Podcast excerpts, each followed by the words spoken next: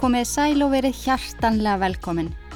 Inga heit ég og þið eruð að hlusta á þátt 108 af Ídverk podcast. Þessi þáttur er að aðeins öðrum toga en við erum vöðan. En ég er í fyrsta skipti að endur gera þátt. Þeir sem hafa hlustað hvað lengst vita að í desember árið 2019 gaf ég út þáttum Ed Gein sem að er einn óvenjulegasti morðingi heims. Og þið spyrir kannski, er hægt að vera venjulegu morðingi? Já, án gríns. Allt saman borið við þann mann er venjulegt. Því að gæin já, hann gerði ekkert eðlilega rugglaða hluti.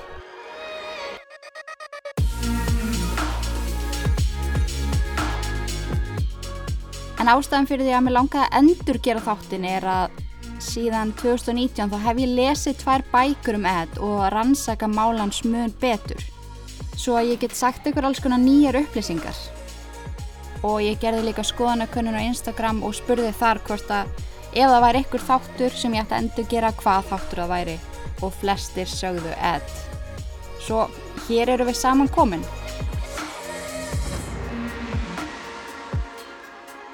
Þessi þáttur er í bóði save.is og Lemon og ég mun að sjálfsögðu segja ykkur betur frá starfsemi þessara dásanlegu fyrirtækja setna í þættinum.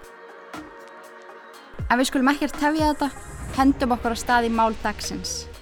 Ed Gein eða The Plainfield Butcher, gjöru þau svo vel.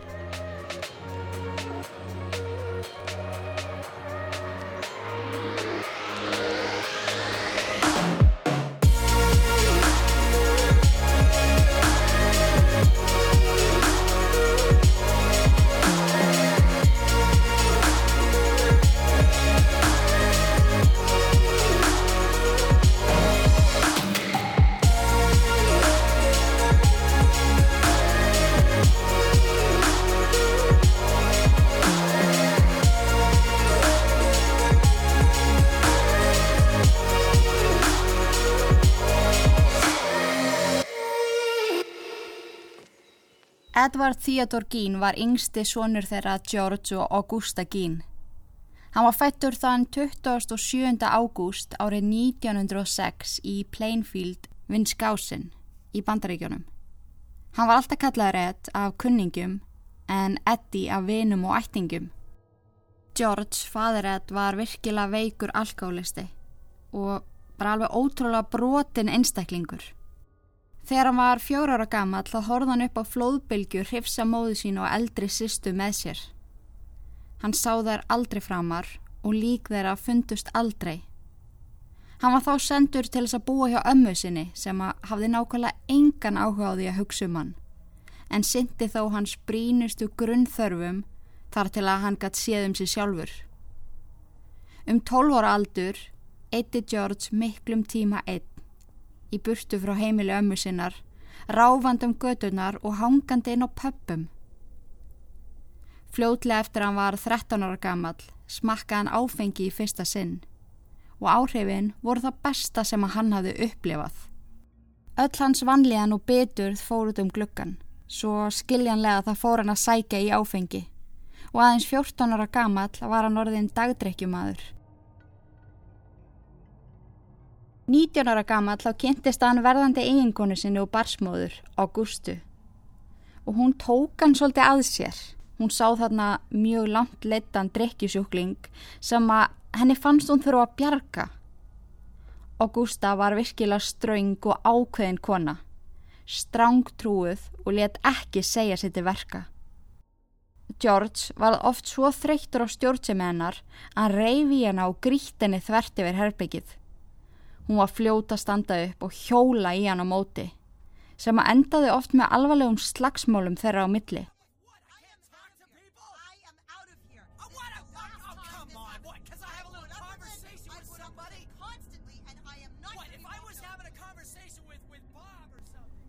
En þráttur þetta þá giftuðu sig og eignuðust tvo seni. Og Ágústu fannst aldrei koma til greina að skilja það var í synd og fyrstu ákveða að ganga í það heila þá stæði það bara. Augusta stjórnaði gjörsala öllu á heimilinu. En það er samt spurning hvort að henni hafi ekki fundist hún neyðast svolítið til þess þar sem að maðurinn hennar var alltaf fullur eða áfengistöður. Þau hafðu oft orðaði hversu mikið þau hötuðu hvort annað. Ástin eða hrifningin sem að leituðu saman fyrst, eða hvað sem það nú var, hvarf ansi fljótt. En þau sættu sig bara við hvort annað.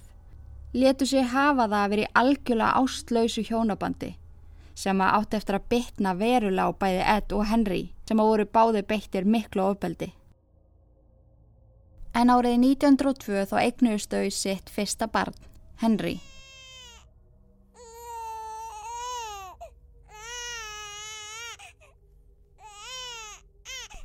Augusta átti virkilega erfitt á meðgöngunni og þegar barni fættist og hún náði bara alls ekki að tengjast í.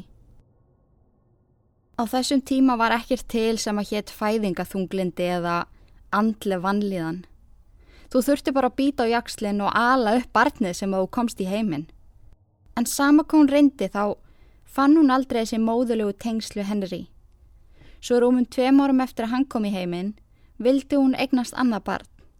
Kanski myndi hún tengja við það. Og þá mögulega myndi ástandi lagast. Hún óskaði sér einna helst að eigna stelpu sem að hún gæti klætt í kjóla og kent dömusiði.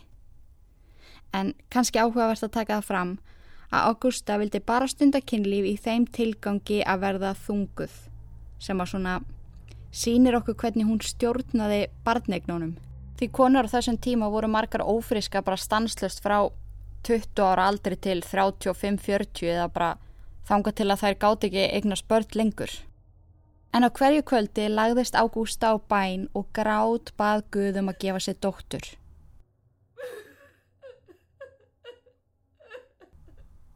En þegar hún eignaði svo dreng árið 1906 brotnaði hún gjörsalega og hún í raun afneitaði honum svo að George þurfti að herða sig og stíga inn í svo að nýfætti sóniðar að fengi allavega eitthvað grunnþörum sínum mætt. Ágústa skildi ekki hvað hún hafi gert ránt í lífinu. Afgru er Guðar efsenni með tveim drengjum sem að henni þótti ekkert væntum.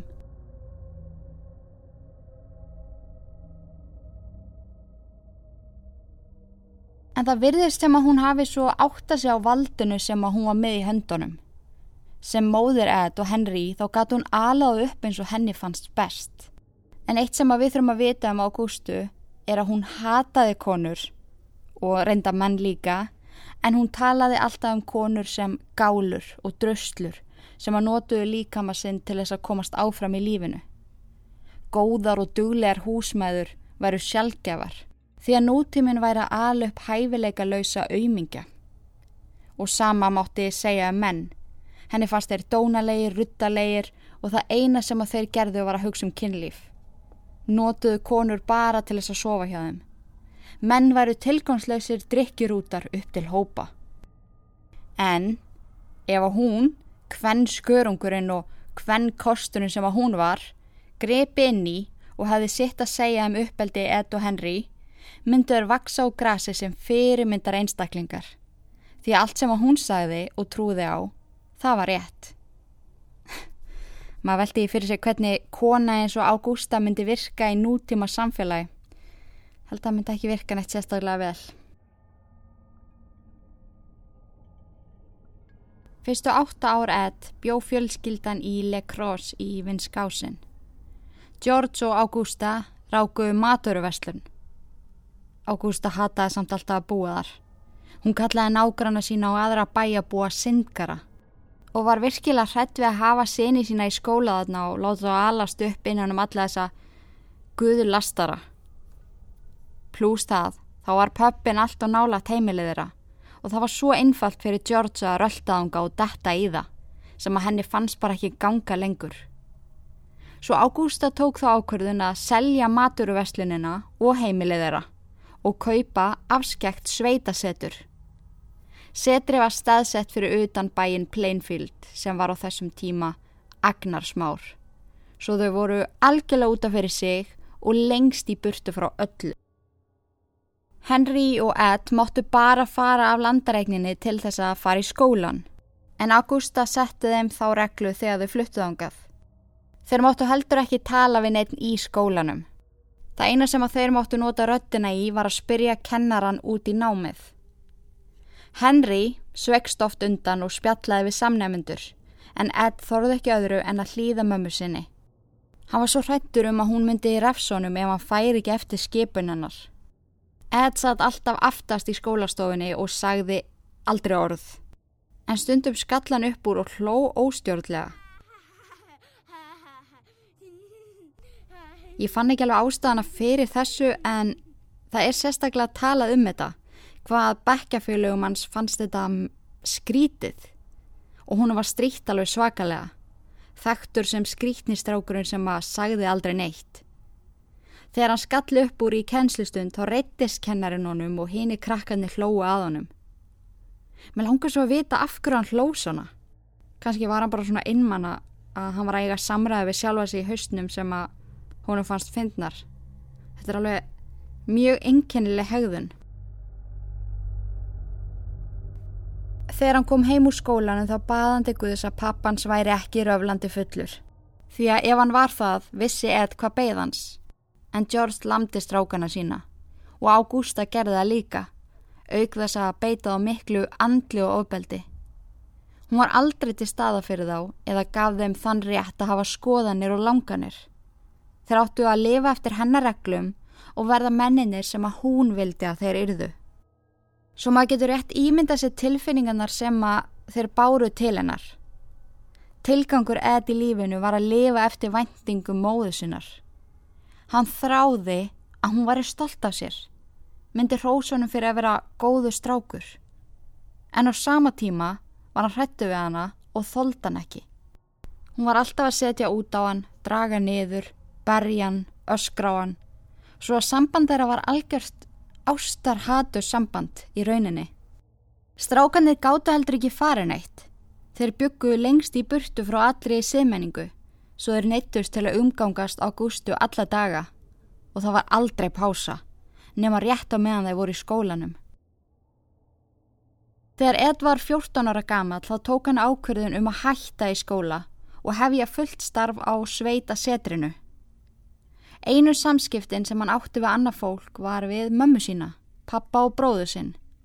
Svo maður getur rétt ímynda sér þessa svakalegu einangrun og hvernig hún fór með sála tetriðans.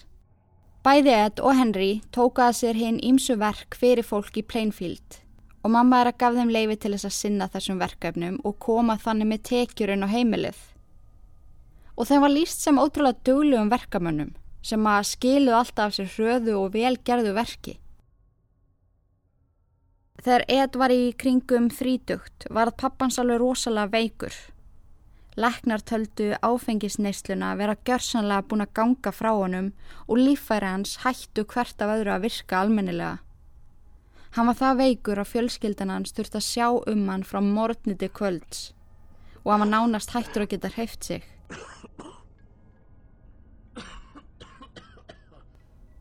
Þessi miklu veikindi stóðu yfir í rúpt ár þar til að líka með hans gati ekki meira og George lest 66 ára gamall. Ed, Henry og Augusta voru hálf fegin þegar blessaðu kallin fekk að fara. En lífið þeirra hafði gjörsanlega verið undilagt síðasta árið á meðan þau skiptust á að hugsa um hann. Í jarðafur George sátuðu sveiplaus á fremsta bekk. Feldu ekki eitt tár.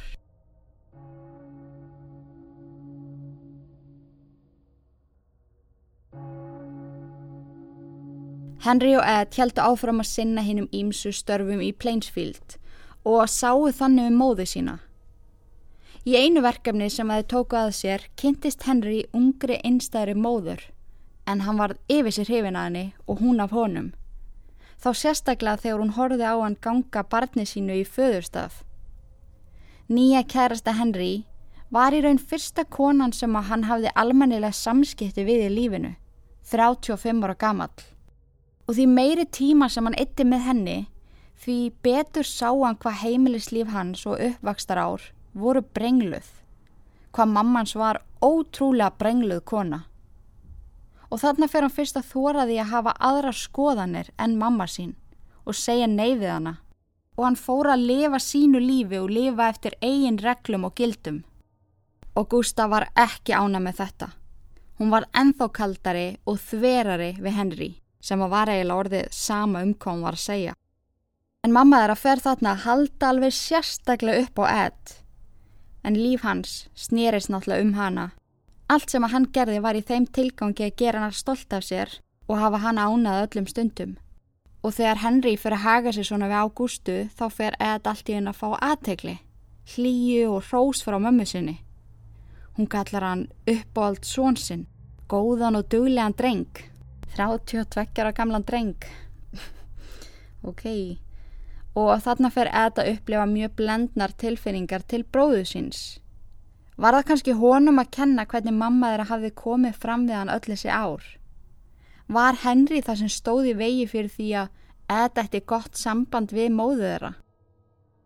Henry byrja líka að gera mjög mikið grína af Ed, eitthvað sem hann hafi aldrei gert áður.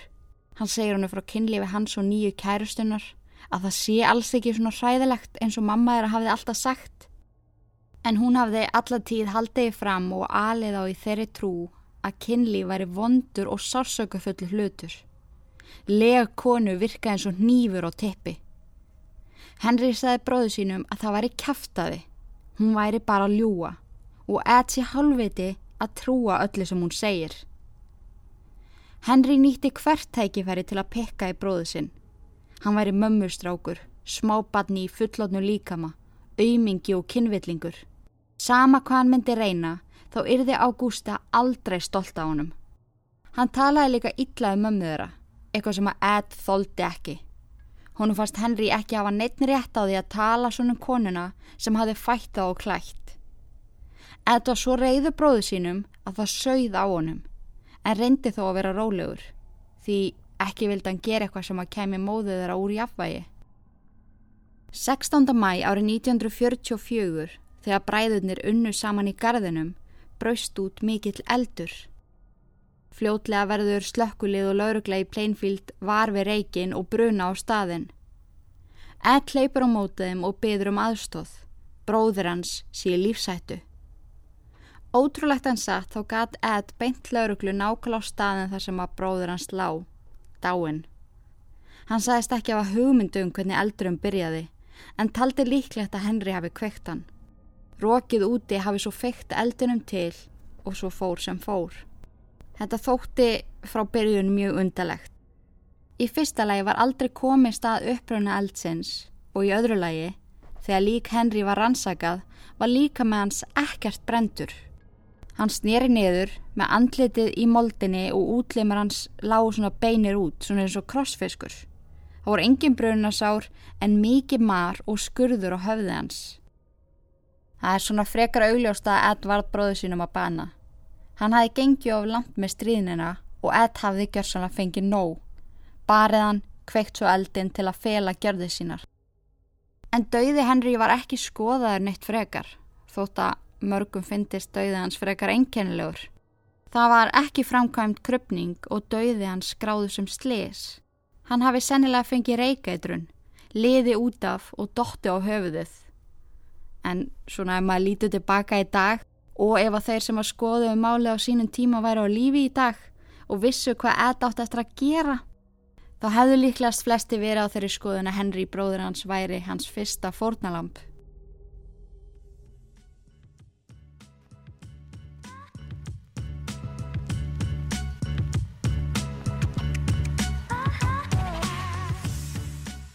Hvert er ykkar uppáhalds lemon combo? Ég er freka vanaförst og fæ mér alltaf parmella og guy. Það er ekkert eðlilega gott. Samlokur útbúnar á staðnum og djús nýkreistur og feskur. Ég mæli líka með því að þið pröfið kombo mánaðarins sem er á þessu sinni of Love Juice, Mango, Spínat, Engifer og Grænt Eppli og Mosato samloka. Krispi brauð, mozzarella, tómatur, basil og pesto. En þetta gúrum er á aðeins 1790 í þessu mánuði. Ég mæli með lemon og söðlandsbröðinni, það er uppáhalds lemon staður minn. Hendi ykkur endilega ángað og geri vel við ykkur í mat og drikk. Save.is er gjörsanlega búin að taka yfir tannkvítuna markaðin á Íslandi. Nei sko, Fólk er að elska þetta og ég er búin að heyra svo marga góða hluti frá fólki sem er í sjokki yfir árangrinum. En ef þið vita ekki hvað Save er, þá er það Íslandst fyrirtæki sem sérhæfi sér í tannkvítuna vörum sem er hægt að nota heima við. En til þess að fagna öllum þessum dásalögu reynslusögum frá fólki og eigin árangri, en tennuna mínar hafa farið upp um fjögur byrtusteg, langar maður að bjóða ykkur 10% afslátt á öllun og save.is. Og afsláttakóðin gildir bara út morgundaginn, 27. júni 2021. Svo endilega drífið ykkur og nýtið ykkur það tilbúð. En annars segi ég bara, hvít stell í sumar. Let's go! sa2e.is save.is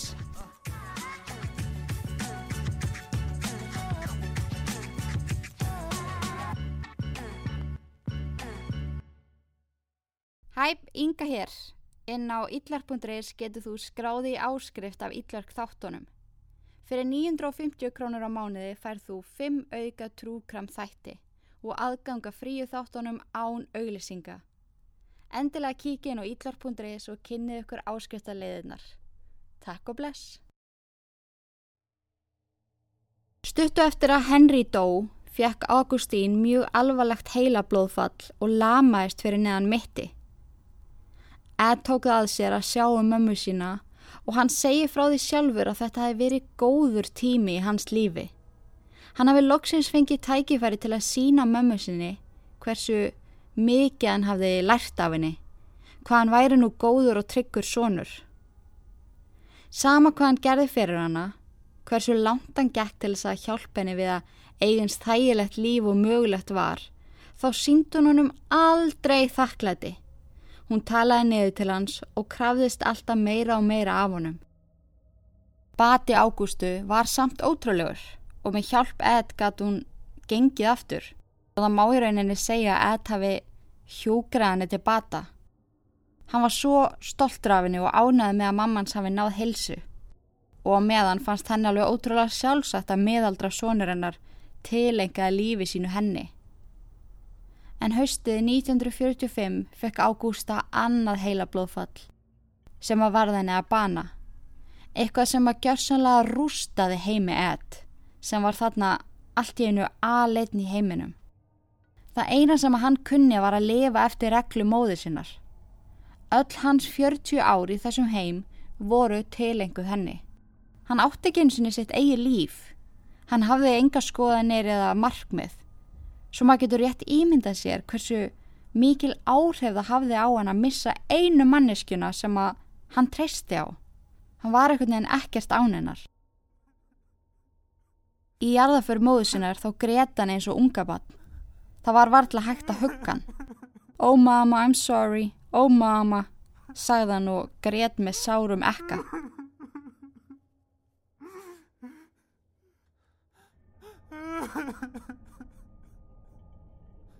Hann var svo hrættu við samskipti við annað fólk.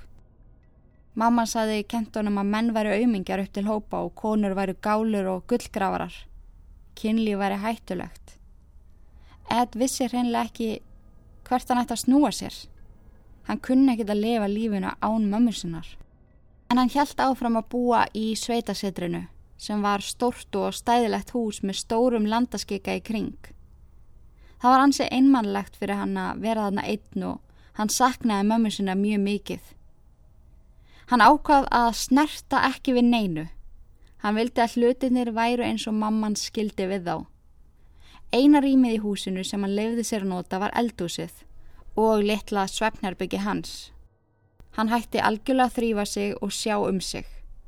Eldúsið og litla herbyggið fylltust af drastli, mataleifum, leirtögi og fullt af viðbjóði og ég mun auðvitað setja myndir af sinna á ílverk Instagramið. En myndirnar af heimilegat eru útrúlegar. Rýmin sem hann leiði sér að nota voru, þetta var hróttalegt. Margir telja að eftir andlátt móðu sinnar hafa hann farið í eitthvað skonar hugróf og djúft þunglindi. En fyrstu mánuðin að tala hann ekki við neitt, nema nágrannar sína sem að komu einstakar sinnum í heimsók bara til að tjekka á honum. Hann var þessi undalegi einsetukalli í skóginum. En hann var samt að halda áfram að vinna til þess að halda húsnæðinu gangandi. Fyrstum sinn gata nota peningana sem að móðurna sátti en þeir eruðu fljótt af skortum skamti.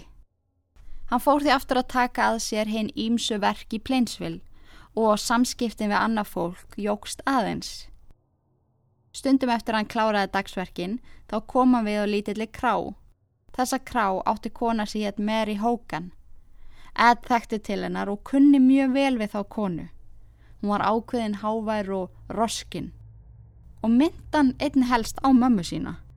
Hún leið mjög vel í návist Mary og heimsótti hann reglulega.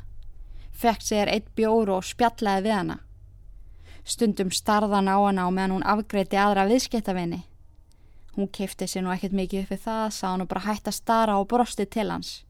Hún leita á hann bara sem svona grei og auðmingja. Ed fekk svo stöðu sem já, ég er ekki tjóka, hann fekk stöðu sem bartfóstra á nokkrum heimilum í Plainsfield. En hann tengdi alveg einstaklega vel við börn og hafði gott lag á þeim. Börnum fannst hann skemmtilegur og sóttu mikið í félagskapans. Svo hann varði ótrúlegt en satt frekar vinsel barnapía og það sást oft til hans með stóran krakkahóp sem hann fyldi heim úr skólanum. Gaf þeim að borða og leita eftir þeim að meðan fóreldaði þeirra kláraði að vinna. Hann leitt líka eftir nokkrum unga börnum, einstæðra mæðra sem að neittust til að fara snemma út af vinnumarka til þess að eiga ofan í svo á. Hann leik við börnin tímunu saman, las fyrir þau og skilaði þeim alltaf söttum og sælum til mæðra sinna. En hann átti það til að stara á konur og þótt að þær tækju eftir honum hætti hann ekki að stara sem að þeim skiljilega þótti mjög óþægilegt. Hann var eins og ég segið þektur sem þessi skrítni en samt minnlösi kall. Aðri menn gerðu mjög mikið grína á honum, þá sérstaklega bændur sem að hann vannferir. Þeir gerðu grína óþreifnaði hans og klæðaburði.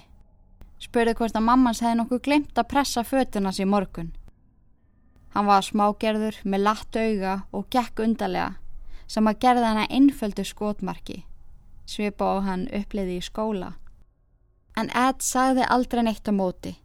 Hann hjælt bara áfram að vinna þegjandi og hljóðalaust. Það sem öðru mönnum fann skemmtilegast að stríðanu með voru hvernamál. Hann hafði aldrei verið við hvernmann kentur, varð vandræðilegur þegar það var að tala um konur við hann og hvað þá kynlíf. Þá fór hann alveg í kleinu. Mamman sagði kentunum að kynlíf væri sársökafullt og ógeðslegt og hann var skítrættu við það. Hann vildi heldur ekkit lenda í gálu og gullgrafara. Svo hann let sér næja að stara bara á konur sem á húnum fast fallegar, því að hann myndi aldrei þóra að tala við þær. Einu konuna sem hann sótti í og þorði hafa samskipti við voru konur sem að myndan á mömmu sína, eins og til dæmis Mary á kranni. Þegar Ed var ekki að sinna eitthvað skona verkefnum fyrir fólk, þá eittan tíma sínum í að lesa teiknumynda blöð. Hans uppáhalds voru svona lauruglublöð, glæpasögur. Hann hafi gaman að sögum við mannætur og morðingja, sögur af gravræningum og kynferðisafbrótumönnum. En á þessum tíma þá gastu nálgast sakamála teknimyndablöð, ég veit ekki alveg hvað er best að kalla þetta, með svona mjög kynferðislu ífavi og svona óbeldis ífavi. Og ég man að Ted Bundy talaði líka um slik blöð og hversu mikil áhrif þau höfðu á hann. Ég veit ekkert hvort það er ennþá gefin út svona blöð en Þau voru alveg ótrúlega gróf og inniheldu mikið af svona kynferðislega ofbeldi, svona lauruglumenn að binda konur við stóla og lauruglumenn að, þú veist, steipa konur og ný steipuballa, veit ég hvað ég á við, þetta eru svona einhver löggu sexuál blöð sem að þeim fannst rosa gaman að lesa. En Ed fylgdist líka vel með því hvað var að gerast í heiminum, en þarna var náttúrulega heimstyrjöldin setni að ganga yfir, svo að dagblöðin voru uppfulla af upplýsingum um gangmála. En það hefur verið svolítið einkennilegt að finna allar þessar bækur og blöða heimilin hans þegar allt sem hann gerði kom svo í ljós. En í mæ árið 1947 kvarf áttar á gummul stelpa sem hétt Georgia Veckland. Hún átti heima í Plainfield og kvarf sporlaust á leðinni heim úr skólanum. Sama hversu mikið af að leita að henni þá fannst hún aldrei. Svo að sögur fór á stað um mannræningja og skiljanlega var fólk ótrúlega hrætt. Íbor hefðu aldrei þurft að hafa ágjur af svona löguðu. Það var svo örugt að búa þarna að fólk var ekki eins og hafa fyrir að læsa útudurahörðin á nóttunni. Þannig að það var ansi mikið sjokk þegar Georgia kvarf og fannst aldrei. Og næstu fimm árin þá hörfu fjórar mannesku til viðbótar og það fannst ekki að þeim tangun ég tetur. Laurugla vissi ekki hvert ætti að leita. Þá voru engir virkir afbrátumenn á svæðinu svo það var haft samband við bæina í kring sem að skilaði engum árangri. Og með tímanum þá kólnuðu mál tíndu einstaklingana og haldnar voru minningar aðtapnir fyrir fjölskyldunar svo að þau myndi fá eitthvað á lókun.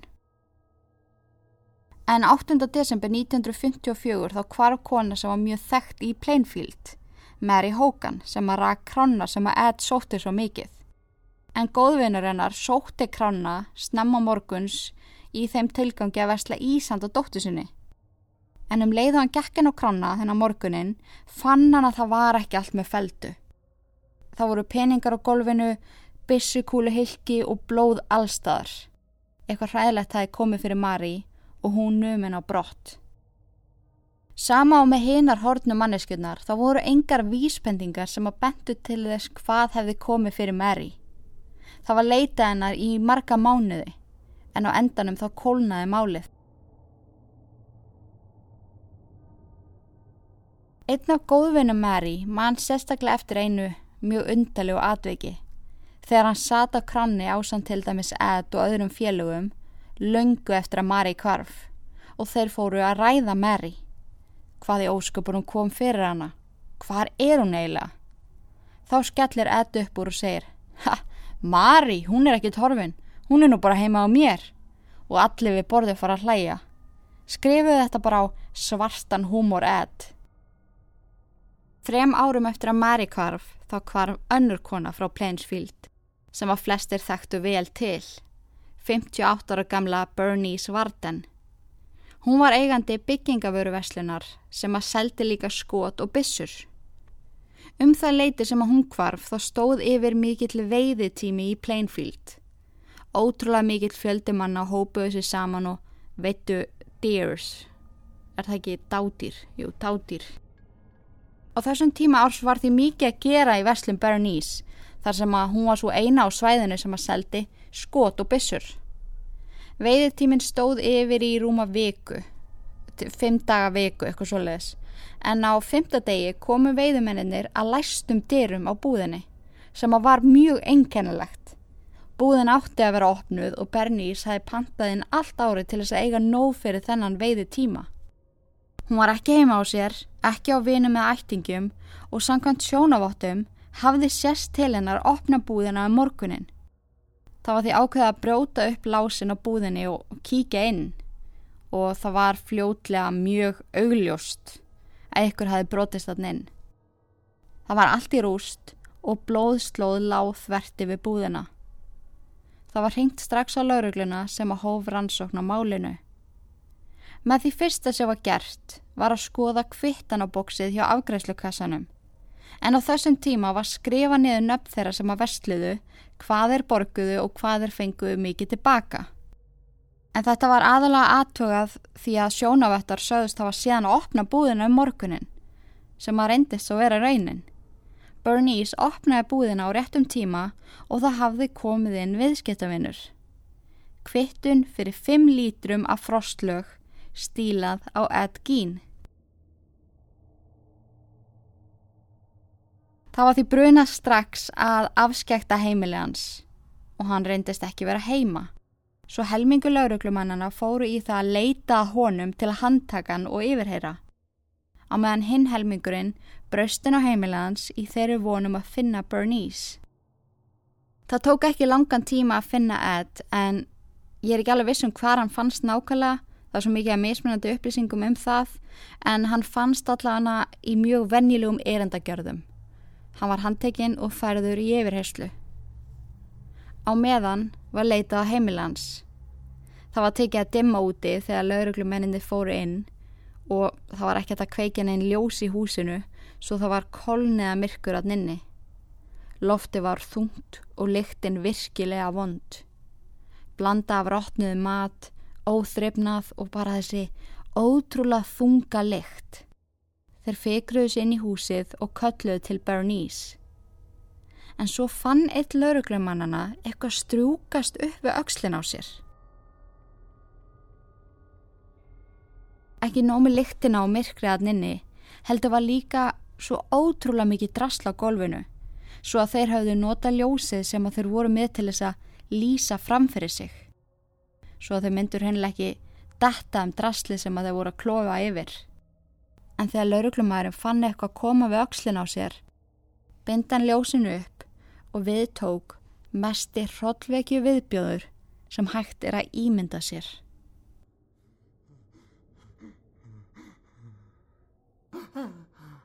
Úr loftinu hjekk líkami á kvolvi.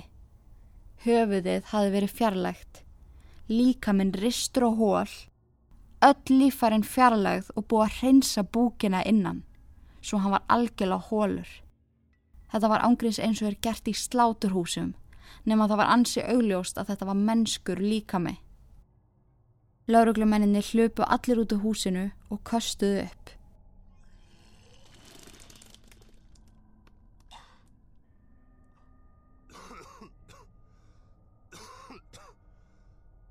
Maður getur ekki eins og ímynda sér hvernig það er að verða vittni af slíkum hrylling og ég skilða svo vel að hafa ekki vilja að fara aftur að ninn.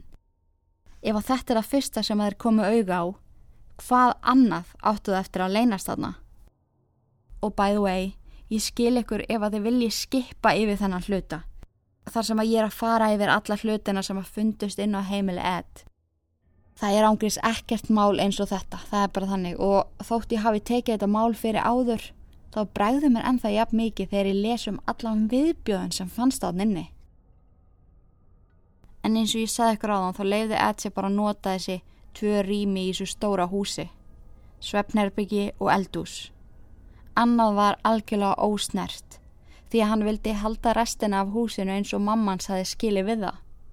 En þessi tvö rými sem hann notaði voru uppfull af drastli og lyktinn gjörsala óbærileg. Upp á hillu í eldúsinu fundist krökkur með tönnum ofan í og þá er ég ekki að tala um stakar tennur, heldur voru þetta heilir tanngarðar, bæði efri og neðri, sem hann hafi varðveitt í vökva. Krukka stútsfull af tögðum tyggjáum og við veitum ekki hvort þetta eru tyggju fór honum eða eitthvað sem hann hafi sapnað frá öðrum eða týnt upp úr götunni.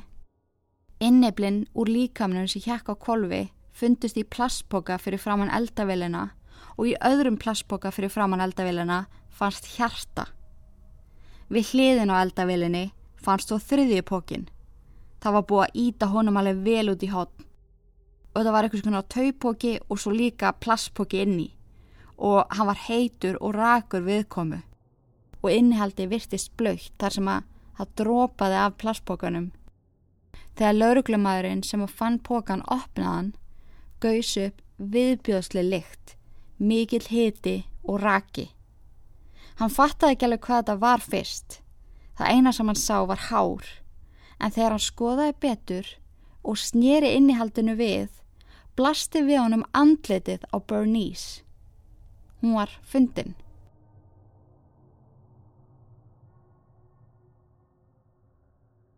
Líka með hennar hafi verið ristur og hól, tæmdur að lífærum og þeim komið fyrir í póka. Afhöfðuð og höfðinu einnig komið fyrir í póka og svo bara geimt hann eitthvað staðar inn í rýminu. En þarna hljöpu lauruglisþjónanir aftur út og kastuð upp. Hitalektinn og rakin sem að gauðs upp þegar pókin var opnaður og líflösa andliti sem að blasti við. Þetta var eitthvað sem þeir áttu aldrei eftir að gleima. Því lík hrollveikja. Þegar höfu Bernice var tekið upp úr pókanum komu í ljós tveir naglar sem að stóðu út úr eironum á henni og band var bundi á milli naglana. En Ed hafi greinlega nelt þess að nagla inn í eirun á henni, beitt þá og bundi band utan þá svo hægt var að hengja höfuðu upp eins og eitthvað skona skreitingu. Fljótlega fann svo annar póki, brún pappispóki og líka svo við tökum það fram, bara svo þið fáið svona betri hugmyndu um hvernig það var þá var þetta ekki geimt í ykkur svona skipulagi, þetta var ekki út í þessu hotni ætli að geima alla líkamsleifanar. Þessi pókar voru bara svona tróðnir hér og þar inn í öllu draslinu. En ofan í þessum pappispóka var gríðala mikið magna af hári. Pókin var svona eitthvað léttur svo að laurugla held þetta væri einmitt bara póki af hári. En þegar hári var tekið upp úr pókanum, lindist aðeins meira þar ofan í. Á hárinu var áfast höfulegur og heilt andlit. Ekki nefn bein eða neitt þannig heldur bara aflett andlit sem að þeir könnuðust við. En þetta var andlitið á Mary Hogan sem átti kranna og mér langar að staldra aðeins við hérna því að það eru örgulega margir byrjar að googla myndir af þessu öllu. Það eru til alveg fárulega marga myndir af því sem að fannst heima hjá hannum en en að hafa í huga þeir sem eru að skoða það er mikið af þessu sem að þið sjáu kannski á Google núna sem er props úr bíómyndum eða einhverjum svona söpnum, eitthvað svona fake Ég með þess að rugglaðist um daginn og setti mynda húðleggings í stóri á Instagram og fekk ábendingu um að þessar húðleggings séu til sínis á galdrasafni á Íslandi.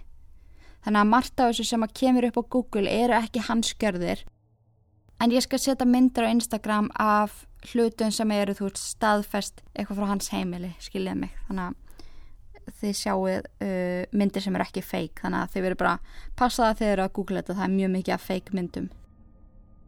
En eins og gefur að skilja þá fyrir lauruglega að hugsa þarna að fyrst að Bernice var þarna og Mary og Ed greinilega raðmóringi og miklu meira en bara það gæt á vera að hinir einstaklingarnir sem að hurfu sporlaust lindust líka þarna hvort sem er þurfti að rannsaka hvert krók og kema á þessu ógæðislega heimilans og fór af stað margra dagar rannsókn Það fundust fjórir stólar á heimili Ed og þá búið að skipta út upprunlega leðrinu fyrir húð sem hann strekti yfir sassuna. Hann hafði einni búið til lampaskerm úr húð.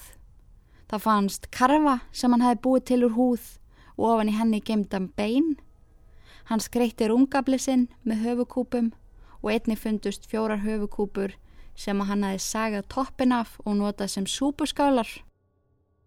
Það fannst líka skókassi með 11 píkum og hann hafði málað eina af þeim silvilitað og skreitt með litlum rauðum borða. Á bandinu til þess að draga niður gardinunar í herbygginans hengu varir sem hann notaði sem eitthvað skona skreitingu. Það fundist líka kjólar og önnu fött sem voru talin tilheyra fórnalömbumanns og það fundist ekki bara venjuleg fött, heldur hafði Ed búið til hanska úr húð andlitskrímur úr alvöru andlitum sem að hann notaði stundum, leggings úr húð en þá húðflettan lík frá mitti og niður, reynsaði og þurkaði og klættist þessu stundum, belti búið til úr gervörtum sem hann saumaði saman, ásandi að búið til mittisjakka úr efri hluta konu. Hann viðurkendi í yfirheyslu að hann klætti sig oft í þessi húðföt og sterði á sig í spekli klukkutímum saman. Hann ímyndaði sér að hann var í kona, með píku, brjóst og allt saman. Fyrstu 13 klukkutímana af yfirheyslu vildi Ed ekkert segja, neytaði öllu og snýri útur. En þegar hún var sagt að líkamslegar Bernice og Mary hefðu fundist, átti hann sjá því að það væri engin leið út fyrir hann svo hann setti skilirði. Ef hann fengi eplakökusneið með brættum osti ofan á, þá myndi hann tala. Hann myndi segja allan heila sannleikan. Það var fært honum eplakökuna með ostinum og flóðgáttin opnaðist og Ed let allt flakka. Það kom lauruglega óvart þegar Ed sagðist alls ekki hafa myrt allt þetta fólk.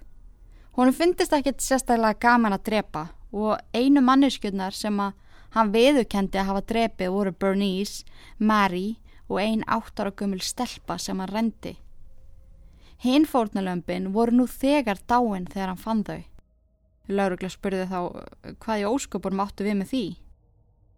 Ed sagðist á að hafa fylgstu vel með dánafregnum og jarðaförum í bænum. Þegar hann heyrði að miðaldra konum sem að líktust móður hans í útliti varu látnar, beigðan eftir jarðaförðara. Nóttina eftir jarðaföruna fór hann í kirkjugarðin og grófiðar upp. Hann gerði þetta í rúm 40 skipti, fór askvæðand upp í kirkjugarði í mjög undalegu andlu ástandi, gróf koninir upp og opnaði kistutna þeirra. Í 30 skipti af 40 þá hætti hann við, skilaði konunum aftur ofan í kistuna og endur gerðaði. En í tíu skipti leta hann verða að því að ræna líkonum og endur gerða svo tómar kisturnar og fara með líkin heim. En laurugla þurfti náttúrulega að sanna þetta til þess að geta trúa á hann og þeir fóru og grófu upp graver sem að hann sagðist að var ræntur og þetta var alveg hár rétt. Kisturnar voru tómar nema hún í einni þeirra fannst kúpein sem að Ed hafi nota til þess að opna hana. En Ed sagði að þetta hafi allt saman hafist því að hann vildi lækna mömmu sína eftir að hann grófa hann upp. Það að missa hana var bara of mikið fyrir hann. Svo hann ákvaði að sækja hana lungu eftir hún dó og hafa hana hjá sér svo hann geti tala við hana og hann gaf henn að borða í með hliðin að taka þátt í því sem hann var að gera yfir daginn, leiði henni að nota hreinu rýmin í húsinu og þegar þau voru samin á ný þá leiði hann miklu betur. En eins og gengur að gerist með lík þá rótnaðu og þegar líktin á mammans var alveg svo sterk og andlit hennar var farið að afmyndast, lofaði henni að laga hana. Með því að drepa Mary og Bernice og grafa upp allar hina konunar, ætlaði hann sér að laga mömmu sína. Hann hefur svo séð á endanum að hann gataði ekki, en þá hafði hann heitlast verulega að hvenn líkamannum. Við verðum líka að taka henni í dæmi að mammans óskaði sér alltaf að egna stelpu. Þegar Ed kom í heiminn þá leit hún á hann sem refsingu frá Guði. Líklega hafði Ed óskað sér að vera kona og þess vegna klætt sér upp í húðina sem hann fletti af fórnalömbunum sínum.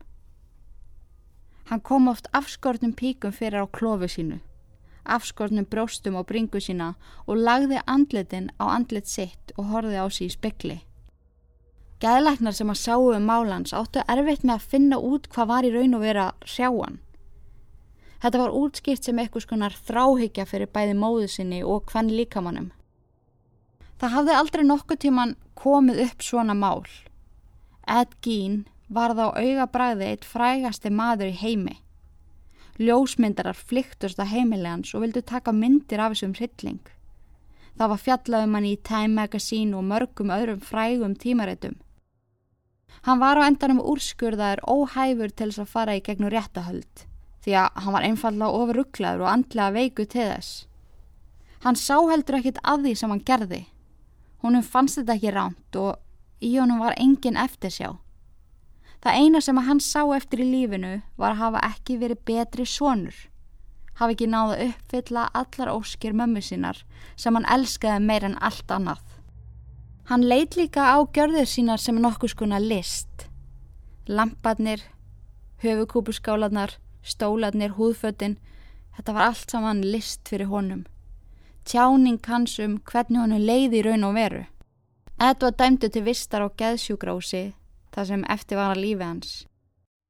Hlutininn hans áttu að vera seldir á uppbóði og þegar það frettist þá flyktist fólk til Plainfield til þess að eignast eitthvað af heimili Ed Gein. Nóttina áður en uppbóðið átt að fara fram þá ótrúlegt en satt á brann heimili hans til kaldra kóla og það er talið mjög líklegt að það sé að manna völdum.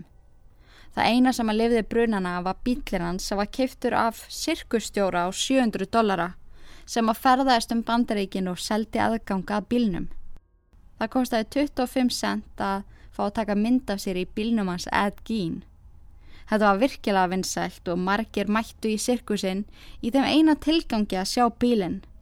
Svo þessi 700 dólar að kaup voru ansi fljóta að borga sig.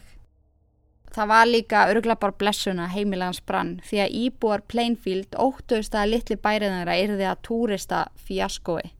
Fólk myndi flikkast að til þess að skoða húsið hans sett og taka með sér hluti frá heimilans og eitthvað svo leiðis og hver veit nema að sé ekki bara einhverju hræðilegar andar sem fylgja hlutum af heimilans þar sem allir þessi hryllingur fór fram.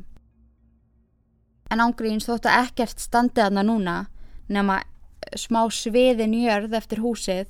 Þá fer fólk enþáðunga bara til að standa á lóðinans og ég veit ekki henni væri alveg til að gera það, ég væri til að keira afleggjaran og einhvern veginn standa það sem hann stóð. Ég veit að það er ógeðslega skrítið en það er bara eitthvað spennandi við það en listinni hans ef að list má kalla var hins vegar komið fyrir á sapni eftir að það hefði verið rannsakað.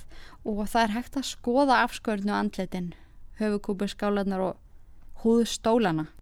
Og auðvitað væri maður til að skoða það bara það er á bucket listanum. Sjúki fanturinn sem maður er. Jésús En vegna þess að Ed var strax læsturinn á geðspítala og það var í alvörunni lagt mjög mikil vinna í að hjálpa honum og veitunum þá þjónustu sem hann þurfti til að ná bata, þá voru aldrei tekin einn viðtöl við hann. Þannig að ég hef aldrei heyrt viðtöl við hann og aldrei heyrt hann tala. Sem að mér finnst smá perrandi, ég væri ótrúlega til að heyra viðtöl við hann. En hann var fyrirmyndastjúklingur, fylgdi reglum, var rólegur og almenlegur og ákveðnum tímabúti var tekin svo ákverðun að Hann væri líklegast orðin nægilega heill til þess að fara í gegnum réttahöld. En þau skilið á endanum sömu niðurstöðum og Ed fór afturinn á geðspítalan og dvaldi þar til 27. júli 1984 en þá lést hann úr lungnakrappamenni 77 ára gamall.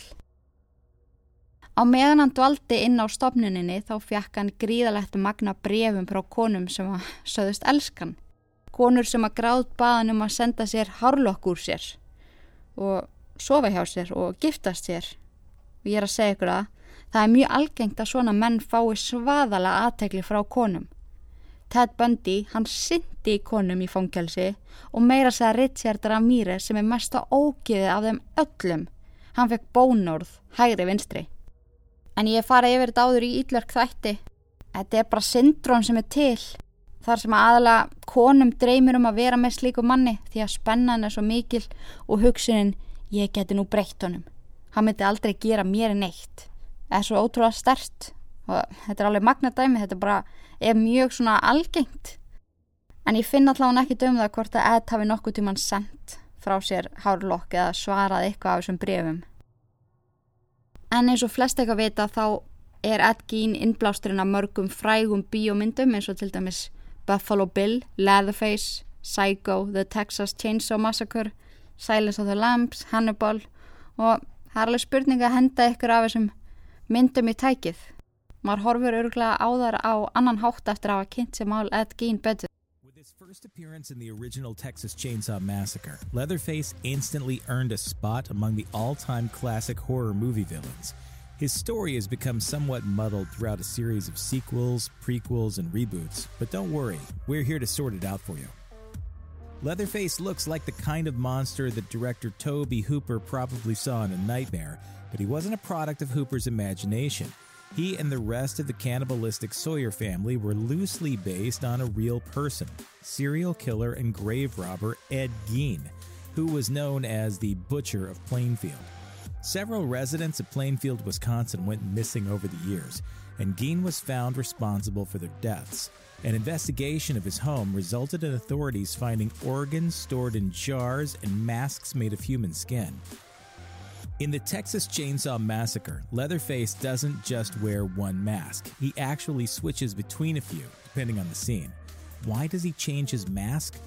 According to the late Gunnar Hansen, who originally played Leatherface, the masks were not just creepy accessories. They were actually the only way Leatherface could really express himself. Hansen said, The mask really determined his personality. Who he wanted to be that day determined what mask he put on. So when Drayton comes home with Sally, Leatherface is wearing the old lady mask and he's wearing an apron and carrying a wooden spoon. He wants to be domestic, helpful in the kitchen. At dinner, he wears a different face, the pretty woman, which has makeup.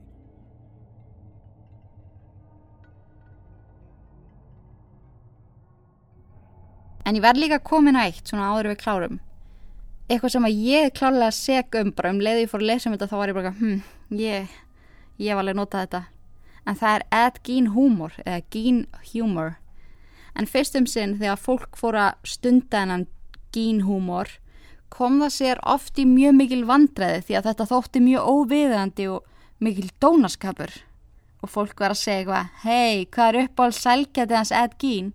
Nú, Ladyfingers og fólk var að grínast með þetta mjög stuttu eftir að þetta átti sér allt saman stað og ég við ekki henni að mér finnst sumt að þess að freka fyndið. Og ég held ég að við sett í stóri um daginn eitthvað I don't like my face, can I borrow yours?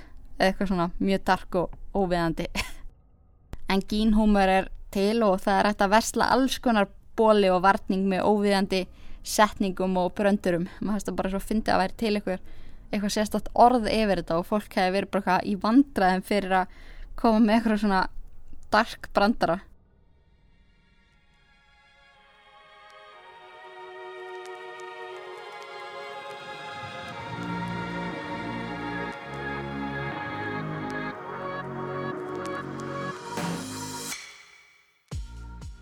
En já, já, hvernig fannst ykkur að fá Ed Gein Volume 2? Ég er allan að frekar ána með að hafa endurgerst þáttinn. Það er svo mikið að nýjum upplýsingum og hann er ángríns, ég held að sé helmingi lengri. Þannig ég vona þeir séu sátt og þið með endilega að segja mér uh, ef að það er eitthvað mál sem að ég hef tekið fyrir áður sem að þið væri til að heyra redo af. Þetta er, þetta er alveg skemmtilegt að því maður er alltaf að læra eitthvað nýtt og maður getur alltaf betur um bætt þættina þannig að þið með endilega láta mig vita. En núna vitum við sem í allt sem að þarf að vita um þennan brálæðing Edward Theodore Gein.